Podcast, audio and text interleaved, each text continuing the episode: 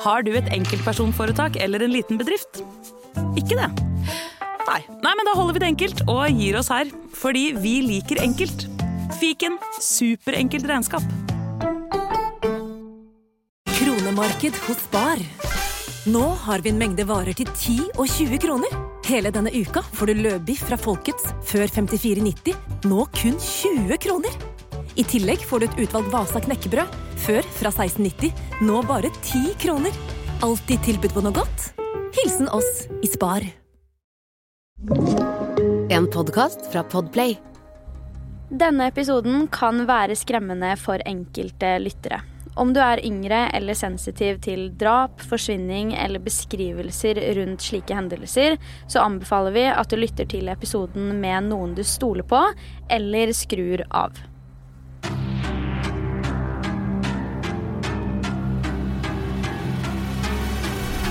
Hei og hjertelig velkommen til en helt ny episode av Forsyningsfredag podkast. Denne episoden er litt annerledes enn de vanlige episodene vi har her i podden, men på mange måter er dette en sak jeg syns det er veldig viktig å dekke her, rett og slett fordi jeg snakka om den da den var relativt fersk tidligere i år. Jeg snakker selvfølgelig om Idaho Student Murders, men i denne saken har vi nå endelig fått oppdateringene vi har venta på i flere måneder, samtidig som det slett ikke virker som denne saken er på langt nær ferdig. Uansett, i denne ukens episode så tenkte jeg at jeg skulle gi dere noen oppdateringer på alt som har skjedd i denne saken nå nylig. Så kommer jeg selvfølgelig til å holde dere oppdatert når det kommer noe nytt, enten som podkast-episode eller på Instagram-profilen min der jeg heter Forsvinningsfredag. Så før vi går inn i det nyeste som har skjedd i denne saken, så tenkte jeg det kunne være greit å gi en rask innføring i selve saken for de av dere som kanskje ikke husker helt hvordan dette her var. Jeg har jo laget en episode om saken i sin helhet tidligere i år, så jeg vil definitivt anbefale deg å lytte til den episoden for å friske opp minnet litt om saken. Den episoden inneholder også alle detaljene du trenger å vite, og det siste vi den gangen fikk høre, var at Brian Colberger var blitt pågrepet og satt i varetekt. Men uansett, hvordan var egentlig den saken her igjen? La meg forklare. Idaho Student Murders-saken omhandler fire studenter ved Idaho University, naturligvis da i Idaho. Navnene på disse er Kayleigh Gonsalves, Madison Mogan, Ethan Chapin og Sanna Kernodal.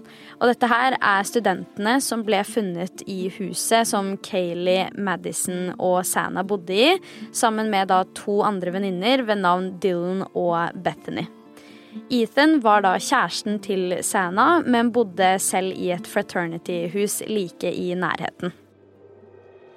En natt i november 2022, etter at alle i huset, og da også Ethan, hadde vært ute på byen og forskjellige hjemmefester, blir Kayleigh, Madison, Sana og Ethan drept av en person som har brutt seg inn i huset, men latt de to siste samboerne leve.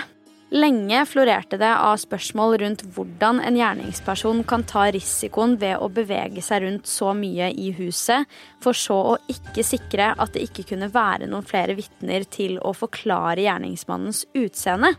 Akkurat dette fikk mange til å sette de to overlevende romkameratene enda litt mer i fokus, og folk lurte da på om kanskje de kunne hatt en finger med i spillet, eller i det minste hatt en tydeligere relasjon til gjerningsmannen enn hva som foreløpig har kommet frem i media. Noen har også stilt seg spørsmålet om det er mulig at det kanskje er to gjerningsmenn i saken. Dette her er jo spørsmål vi ikke har fått svar på, rett og slett som et resultat av taushetsplikten som er blitt innført i Idaho-saken. Det er frem til forrige uke, da Brian Colberger endelig var i rettshøring igjen, og vi forhåpentligvis skulle få noen svar som vi hadde venta på.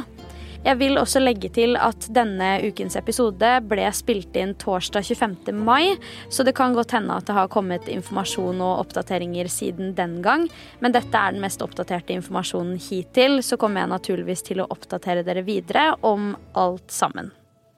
Denne rettshøringen kunne på mange måter blitt noe helt annet enn det den ble, og forsvaret til Brian kjørte en taktikk på at Brian selv ikke skulle snakke, selv om det er mange som har venta på nettopp det.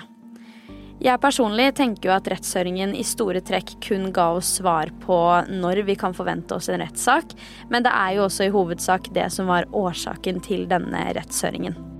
I denne rettshøringen så spør dommeren da Bryans advokat om Bryan er klar til å avgi sin erkjennelse. Forsvareren hans sier da at de har bestemt at han ikke skal si noen ting. Dersom du har fulgt med på denne saken, så vet du at Brian Colberger er blitt holdt i varetekt helt siden han ble pågrepet hjemme hos foreldrene sine i Pennsylvania i desember. Det kommer han til å fortsette med, fordi i rettshøringen forrige uke så endte Forsvaret opp med å melde på Brians vegne at han nekter straffskyld i det firedoble drapet på studentene i Idaho.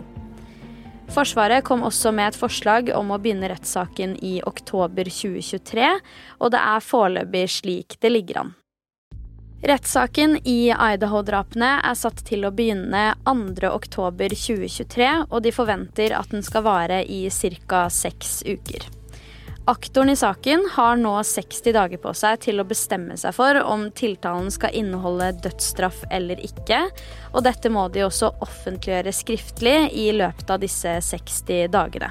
9.6 er det også planlagt en ny rettshøring, og i denne vil det omhandle taushetsplikten som står så sterkt i denne saken. Altså Offentligheten vet jo stort sett ingenting om hva som foregår, så det kan hende at det potensielt kommer en endring fra da av, eller så vil taushetsplikten bli stående.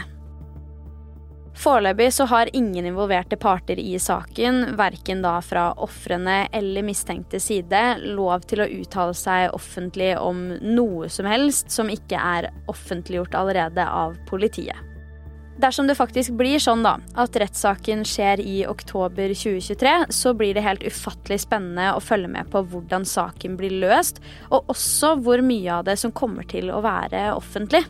Vil det være en åpen rettssak? Vil det bli filmet for offentligheten?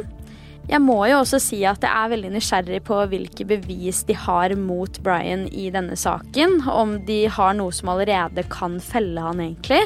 Og også hvilken vinkling Forsvaret vil bruke, og hvilke vitner de kommer til å kalle inn på teppet.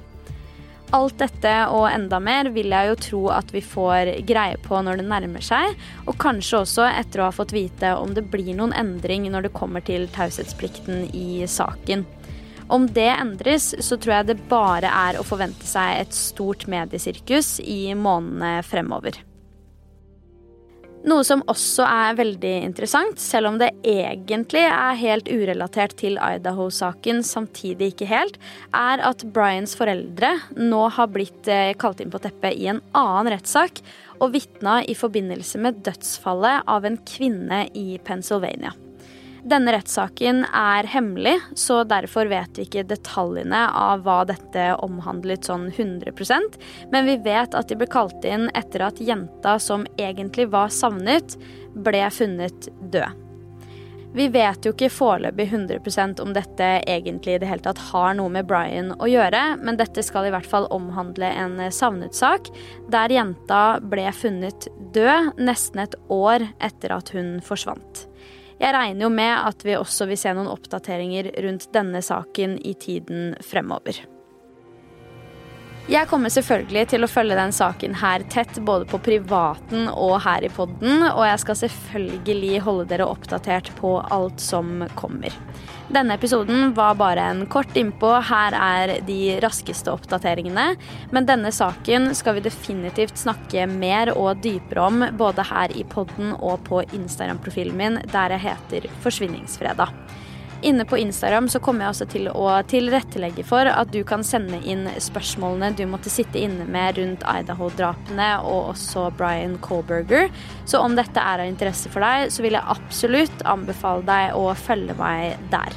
Du har hørt Forsvinningsfredag podkast med meg, Sara Høydahl. Tusen takk for at du har lytta til episoden. Jeg er tilbake med en helt ny en allerede neste fredag, og i mellomtiden, ta vare på deg selv.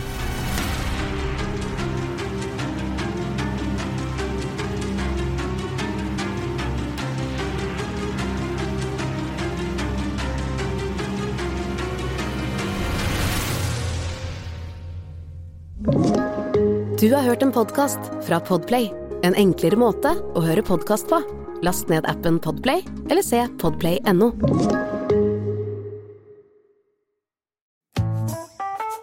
Har du et enkeltpersonforetak eller en liten bedrift? Da er du sikkert lei av å høre meg snakke om hvor enkelt det er å sende faktura med fiken. Så vi gir oss her, fordi vi liker enkelt. Fiken superenkelt regnskap. Prøv gratis på fiken.no. Kiwi er billigst i VGs matbørs og har vært billigst i fire av de fem siste VGs matbørser. Og nå har vi billige parti- og sesongvarer til påske. På 6 ganger halvannen liter Coca-Cola Zero setter vi prisen til 79 pluss pann. På 600 gram Folkets Burger Big Pack setter vi prisen til 79. På 650 gram Lerøy helside laksefilet i aluminiumsform setter vi prisen til 169. For det er vi som er prispresserne. Og vi i Kiwi gir oss aldri på pris.